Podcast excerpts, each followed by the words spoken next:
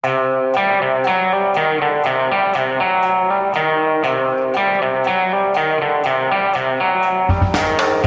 sjuk er Donald Trump, og hva får sykdommen å si for valget? Dette er Giæver og gjengen, og det er mandag den 5.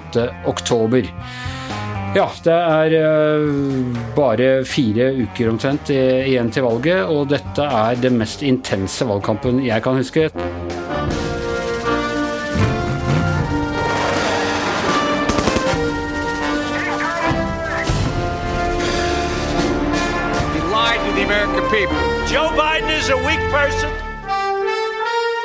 Yes, da uh, er vi her. Per Olav Ødegaard, Astrid Mæland og jeg. Men aller først har jeg snakket med, med Ketil Raknes uh, fra Høgskolen Kristiania, uh, vår mann på, på tallknusingen.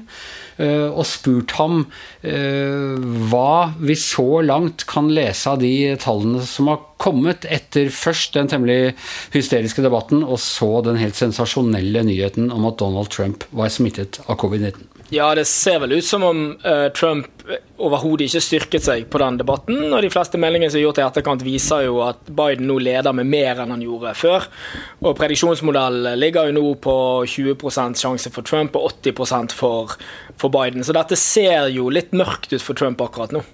Men øh, så er det jo spekulasjoner når det gjelder øh, dette at han er blitt syk. Kan det fremkalle noe, noe sympati hvis han nå ikke er sykere? Det er litt uenighet om hvor syk han er, men, men, hvis det viser seg at han nå slår denne av ganske glatt, kan det øh, vise ham som en, gi ham en slags styrke? Hva, hva tror du om de tingene? Jeg tenker vel Hovedproblemet til Trump er at han må få flere nye velgere inn i koalisjonen sin.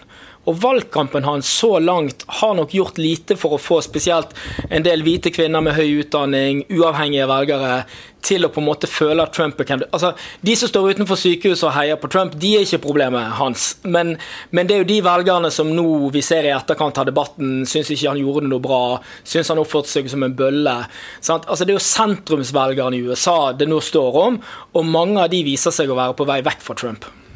Men alt i alt ser det ut som om uh, det meste er uh, at de fleste har gjort opp sin mening? Uh, eller er det fortsatt store nok bevegelser? Altså Hvis du ser på bakgrunnstallene, så er jo det, og det er jo med polariseringen i USA, så er det jo flere og flere som gjør seg opp en mening i forkant. Og det, det er færre velgere å flytte på. Og det er jo dårlige nyheter på, for Trump. Men denne valgkampen minner jo om han eh, statsministeren i Storbritannia, Harold Macmillans gamle ord 'events, dear boy, events'. Ikke sant? At vi vet aldri hva som kommer. Altså, denne valgkampen er jo det typiske eksempelet. Vi kan planlegge for hva som helst, men også for Biden-kampanjen. Altså, vi er jo nå i helt upløyd eh, mark. Vi, er både i, eh, vi har aldri sett en valgkamp utspille seg midt i en pandemi. Vi har aldri sett en president som er syk samtidig som han skal drive valgkamp. Og vi vet jo så ufattelig lite om hvordan disse stemmene skal telles opp, om hvordan dette kommer til å bli på selve valgdagen, og om vi i hele tatt får et resultat som vi kan, kan rapportere. Så sjelden har så mye vært så usikkert når det gjelder et valg i USA. Men nå føler jeg at nå er vi litt der. altså For fire år siden så var folk ganske, en god del eksperter ganske skråsikre. Det var bortimot ja. umulig for Trump å, mm. uh, å slå Clinton. Og, og, nå ligger Biden langt bedre an på meningsmålingene enn det Clinton gjorde. og Alle konstaterer det, og så sier de men det er fortsatt helt åpent. Er det en sånn frykt for å ta feil igjen som gjør at ikke folk, eh, flere eksperter er tydeligere på å si at uh, nå tror jeg Biden kommer til å vinne? Ja, men jeg tror, altså det er en reell, uh, Den bunner i reelle tall altså 20% sjanse. Vippestatene skal det bare 2-3% forandring til før bildet endrer seg dramatisk. Og så er det to andre ting. Eh, I en pandemi. Trump-kampanjen har banket på dører. Eh, Biden-kampanjen har ikke gjort det. Det kan være utslagsgivende i en del stater. Og så er det det vi USA har veldig lav valgdeltakelse i utgangspunktet, så ulike grupper kan delta i ulik grad. Og det fanges ikke opp på meningsmålinger. Det var i stor grad det som skjedde sist. At det var høyere valgdeltakelse blant de gruppene som støttet Trump. Og i et demokrati som i utgangspunktet har så mange apatiske velgere, så ligger det store gevinster eh, og lurer. Og Derfor er det helt umulig å avskrive Trump før vi får det endelige resultatet. Ja, eh, takk til eh, Ketil eh, Raknes. Eh, aldri så galt at det ikke har gått for noe, Astrid. Denne Trump-nyheten her, den har fått deg ordentlig interessert i eh, Trump for første gang som jeg kan huske, etter at vi, etter at vi begynte å, bli, eh, hva skal du si, eh, hysterisk opptatt av han? Ja, jeg sliter jo litt nå, da, Anders, for jeg vet ikke hva som er normalt og unormalt med den amerikanske presidenten. For eksempel så har han nå i løpet av morgentimen amerikansk tid fyrte av sånn 15-20 meldinger på Twitter i løpet av en halvtime. Er det normalt, eller er det litt rart? Ja, nei, det er, ja, det er normalt når det gjelder Trump. Det er i hvert fall ikke det er i hvert fall ikke helt unormalt, men det betyr at det er en ganske Det er en intens dag som starter En intens morgen i Amerika eh, når han starter sånn. Og det er vel for å vise at han er eh, i live, eller hva tror du, Per Olav?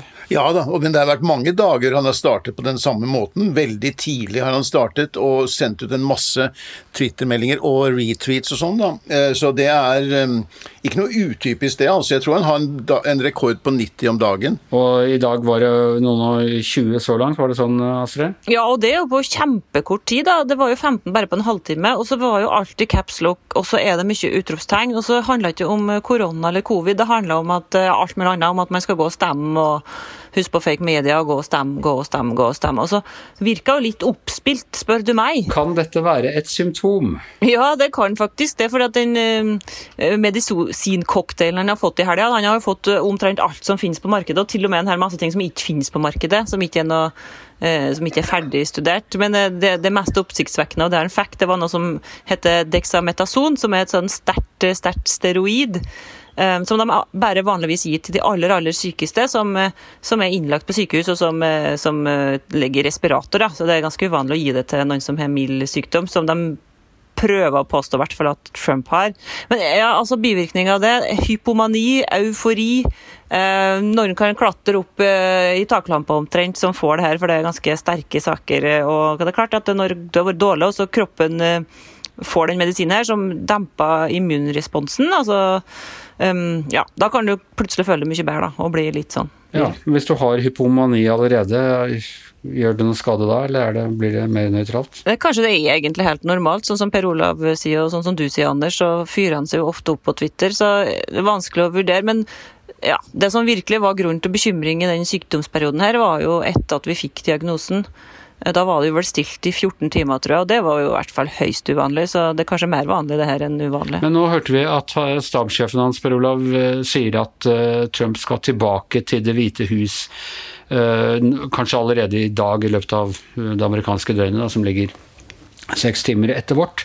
Eh, hva betyr det? Eh, det kan jo ikke bety at han er frisk allerede? Nei, men nå har nok Det hvite hus ganske gode muligheter til å kunne gi han den behandlingen han trenger eh, hjemme hos seg selv i Det hvite hus. Og, så, men jeg tror det handler om at Trump selv og og Det hvite hus, hans kampanjestab, er veldig opptatt av å vise at han er Altså ikke vise svakhet, vise styrke, vise at han er på vei tilbake. Jeg tror noe av det at han nå er såpass aktiv Eh, i de sosiale mediene er et uttrykk for det samme. Eh, og han, En av de tingene han meldte, var jo dette her at eh, nå har han selv lært mye om covid. Han forstår viruset, og han skal fortelle oss mye om dette i tiden fremover. Så jeg tror han tenker seg at han skal bruke sin egen erfaring, det han har selv kjent på kroppen, da, som et argument for at nå Eh, skal han gå foran og bekjempe dette viruset. Jeg tror det er det som er litt av fortellingen nå fremover. Det forutsetter selvfølgelig at han blir ordentlig frisk igjen og kommer seg tilbake i valgkampen. og det Å bli utskrevet fra sykehuset er vel da første skritt på vei tilbake. Eh, Astrid, hvis vi ser på et vanlig, eh, vanlig eh, sykdomsforløp for en hva skal si, godt voksen mann, er Hvor lenge er minimumsperioden for at man er, er syk? Kan man liksom bli kvitt det etter noen dager, eller er det, eller er det et minimum to uker? Altså, de aller fleste blir jo friske igjen av seg sjøl, og de som er 74 år og har lett overvekt. Så det er jo absolutt størst sjanse for at han blir det. Men så er det jo noen faretegn med, med Trump som, som, ikke er vanlig for alle andre. da. Han er jo lagt inn. Det er jo ikke vanlig. Og han har jo fått oksygen. Det er heller ikke det vanligste. Eh, og etter hvert som du har mer og mer symptom, så er det mer og mer fare på ferde, viser statistikken. Og det som er det aller skumleste med den coviden er jo at man kan bli litt lurt av den. Man kan bli litt friskere første uka, slutten av første uka, da viruset på en måte, tror man, da er bekjempa.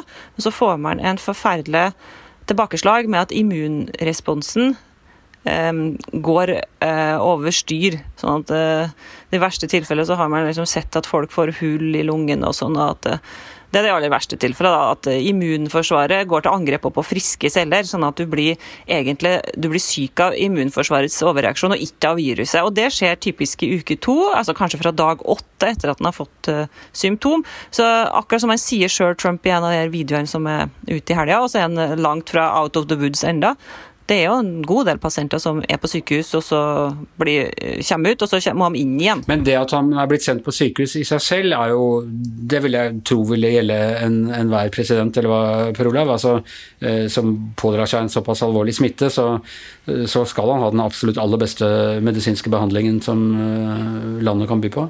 Ja, det er kanskje ikke i seg selv så veldig overraskende, selv om hvis det kun var milde symptomer, så kunne man jo tenke seg at han kunne vært isolert i Det hvite hus og, og, og fått den behandlingen han trengte der. Det som har vært vanskelig i denne saken, her, har jo vært at det har vært ganske begrenset informasjon, og så har det vært til dels ganske motstridende informasjon. Det har vært veldig mye eh, Vi har hørt eh, Man har inntrykk av at eh, legene har hatt et behov for å skjønnmale situasjonen, gi et positivt inntrykk. Det, det kan ikke herske noe særlig tvil om. Og så har det kommet andre utspill. Og det sies jo at nå det har i hvert fall vært rapporter i amerikanske medier om at Trump ser enda mer TV nå enn han pleier å gjøre. Og han har vært ganske irritert og rasende til dels over hvordan en del av dette at ikke har forsvart ham, og at det har kommet andre eh, uttalelser fra Det hvite hus som delvis har motsagt det som legene har sagt. Og så er det et inntrykk av at legene har vært ganske unnvikende når de har kommentert dette her. Så det er blitt et veldig forvirrende bilde, tror jeg, for både en ting er oss journalister, men altså for det amerikanske folk og for velgerne. Så må jeg si at Noe av det skumleste som da har kommet ut, det er jo disse bildene fra denne supersmitteevenementet i Rosehagen. altså Der de mm, presenterer denne nye høyesterettsdommeren som, som Trump vil nominere.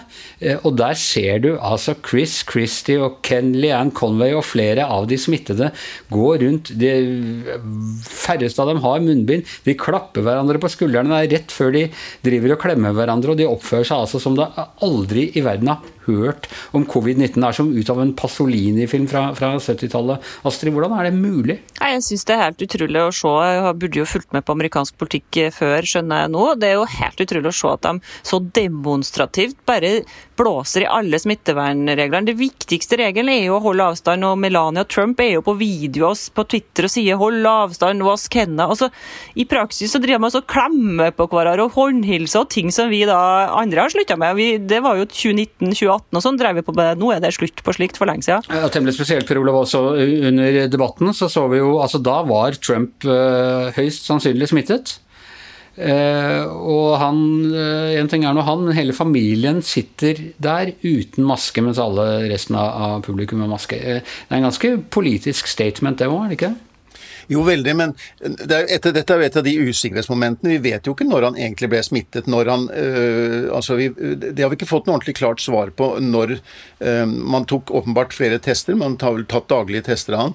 Men vi vet ikke helt sikkert om det var da, eller om det var senere. Men det som var faktum, var at øh, hans nære medarbeidere og hans familie som satt i salen, de brukte jo ikke maske når de satt der, mens det gjorde de på den andre siden, da, som var Bidens familie og medarbeidere. Og Trump trakk trakk jo til og med frem en sånn maske fra innerlommen på et tidspunkt der i debatten, for han sa at han hadde ikke noe mot å bruke eh, munnbind i situasjoner hvor det var påkrevet. Men han raljerte jo samtidig over Biden, som han mente eh, sto liksom eh, på lang avstand fra ethvert annet menneske og brukte den største masken han hadde sett, som han sa, og slike ting. Og, og, liksom, og har jo hele tiden brukt valgkamp for å snakke om hvor overforsiktig Biden er, som liksom bare sitter hjemme og ikke tør ute blant folk, og, og, og, at de overdriver dette bruken av maske. Og Det tragiske i USA er jo at dette med munnbind på en måte er blitt et politisk eh, symbol for om man støtter eller, eller, eller, er mot presidenten. Det er jo tragisk sånn smittevernmessig når det skal bli et sånt partipolitisk spørsmål om du skal bruke munnbind eller ikke. En annen ting, nå har demokratene eh, vært Altså Biden tok ned eh, det meste av de sånn negative TV-reklamene, og dem var det en del av, tror jeg, som var retta mot Trump. Satser på mer sånn positivt bilde. Han har vært veldig sånn demonstrativt ønsket presidenten god bedring og tar ham med i aftenbønnen og alt sånt som man gjør i Amerika. Og Samtidig så ser vi Det er jo interessant å tenke på hvordan Trump hadde taklet dette andre veien. Om, Biden, om det var Biden som hadde fått viruset. Vi husker jo hvordan han drev og liksom latterliggjorde Hillary Clinton da hun uh, hadde en sånn lungebetennelse eller en nei, influensareaksjon under valgkampen i 2016. Han tassa rundt på podiet og etterapet hvordan hun ramla sammen. og og sånn. Er det uh, Tror du det er uh, forskjellige skoler blant valgkampstrategene til demokratene? Tror du det er de som også bare nå har lyst til å klinke til og bare gå full frontal på Trump med dette? Nei, jeg, jeg, tror Biden har valgt den riktige linjen i den saken der. Jeg tror ikke Jeg er ikke helt sikker på hvor mye verken Biden eller Trump har altså hvor mye dette vil påvirke egentlig eh, valgkampen videre. Det vil påvirke valgkampen på den måten at vi vet ikke uh, om, om, Trump kan være med i flere debatter, om det blir uh, om han kan være med på disse store valgmøtene og sånn. Det er i hvert fall et godt stykke frem i tid. Sånn sett så får det en påvirkning om det flytter mange velgere eller sånn. Jeg tror Biden og hans folk har valgt en riktig linje med å ligge lavt når det gjelder å kritisere en president som er på sykehus med, og, om en uviss uh, sykdomsutvikling. Ja, at det har valgt den riktige linjen, det er jeg enig med. Tror du det er, tror du det er et press innenfra, at det er noen som ønsker å gå hardere ut der? Ja, det kan godt, det kan godt tenkes, men uh, jeg, og, jeg, og, jeg, tror uh, i den grad dette her liksom blir en slags liten våpen Det var kanskje en kortvarig våpenhvile i valgkampen akkurat fredag-lørdag, men det var nok ikke lenge før ting er tilbake til normalt. Jeg syns vi allerede i dag ser tendenser til det. Dere, interessant ting. Denne uka så er det jo da visepresidentdebatt. Og den er vel nå plutselig blitt litt eh, mer interessant. Altså, man har jo hele tiden liksom Mange har spekulert i at Biden nå bare skal velges sitte en periode og så overlate til uh, roret til Camilla Harris. Uh, og nå er vel altså Per nå er det vel eh, Pence som, eh, som styrer eh, USA. Visepresidentene er viktigere enn noensinne. Ja, det blir veldig, blir veldig interessant å se den debatten. Eh, og nå, nå, blir det jo helt sikkert en debatt hvor det blir litt mer snakk om politikk, ikke bare avbrytelser og, og politisk teater. Jeg tror det kommer til å bli Her er det jo en god sjanse for at vi ser de to som Ja, det, det, en av disse blir antagelig USAs neste president på et eller annet tidspunkt tidspunkt. ikke sant? Pence har åpenbart ambisjoner om å overta for Trump når den tid kommer. om det eh, om det blir om, om, om fire år, eller, eller, eller, om det blir på, før det, vet jo ingen. Men eh, i hvert fall om fire år så tror jeg han tar sikte på det. Kamala Harris er på en måte den ledende demokrat nå til å overta på det tidspunktet som Biden da eh, ikke lenger er deres leder eller kandidat. Eh, så det blir veldig interessant å se. Og nå, jo, nå, vet vi jo litt detaljer om det også. De skal holde enda større avstand på podiet enn det vi så mellom eh, Trump og Biden for en uke siden. Uh, Astrid, er det noen som helst sjanse for, tror du, at uh, Trump uh, kan stille til presidentdebatt da neste uke igjen? Ja, det kan jo hende. Det er jo vanskelig å si. altså. De sier jo at han er bare mildt ramma, så hvis vi skal tro på det, så kan det jo hende. Eh, når det gjelder, der, gjelder spørsmålet du stilte i stad om eh, debattformen framover, så ville jeg, hvis jeg var demokrat, virkelig vurdert å tatt eh, Trump for det her, altså, etter hvert. Det er jo slik vi har sett i Norge at er, koronaen er jo perfekt for å ta alle vi liker å hate. ikke sant? Vi har jo vært ute etter vestkantfolk, vi har vært ute etter innvandrere, og vi har vært ute etter uansvarlige ungdommer. og her kan man være sint på alt. Joggere. Joggere, pensjonister osv. Så videre, sånn at han har jo virkelig mens vi går liksom rundt og kjefter på ungdommer som, som er på, på, for store fester ute i parken, så har jo Trump og hans entourage virkelig blåst i smittevernrådene. Nå kommer det jo rapporter fra Det hvite huset om at de håndterer det elendig i tillegg. Ikke noe smittekontaktsporing er satt i gang, og de ansatte har ikke peiling. De får ikke beskjed om de skal komme på jobb eller ikke. Og, ja, det er bare rot, det hele. Så jeg skjønner jo det at det er ulekkert å drive og angripe en, en syk president, da. men eh, hvis han blir fort frisk, så tror jeg ville jeg begynt å vurdere å ta han litt for det. Men det er, jo, det er jo slik at under denne valgkampen så har jo demokratene gjerne snakket om pandemien. Det er jo det som egentlig har vært deres hoved... Øh, tema på mange måter. For det, og de har jo angrepet administrasjonen og Trump for måten de har håndtert pandemien på under hele veien. Og, så jeg tror det er egentlig til demokratenes fordel at det nå handler om det igjen. Og jeg tror at Trump ville veldig gjerne snakket om alt mulig annet enn pandemien nå i de siste fire ukene. Han ville snakke om hvordan økonomien skulle få full fart igjen, og hvordan neste år skulle bli det beste noen gang i amerikansk historie. Og, og at han skulle sikre lov og orden. Så at, at nå er det ikke noe vei utenom å snakke om pandemien.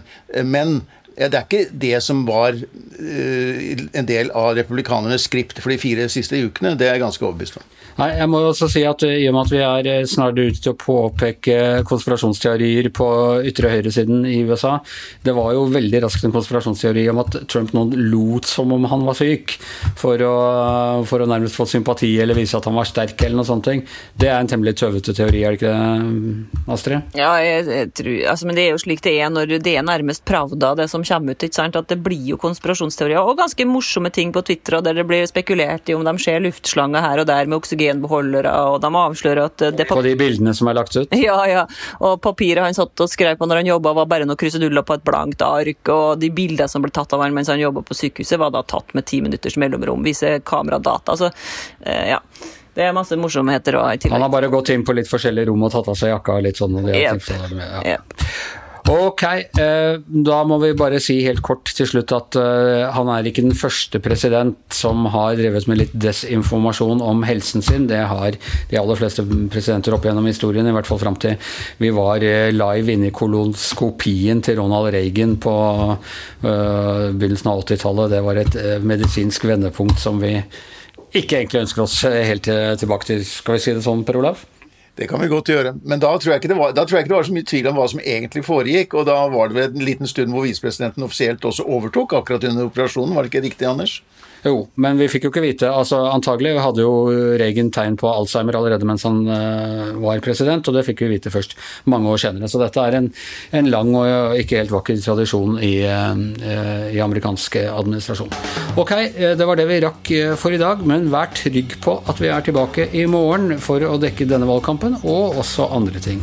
I hvert sitt hjemmestudio Per Olav Ødegaard, Astrid Mæland, Anders Giæver, takk til Ketil Raknes, og på betryggende sosial avstand i sitt eget eget hjemmestudio med maske og hansker på hendene. Vår produsent Magne Antonsen som skrur det hele sammen.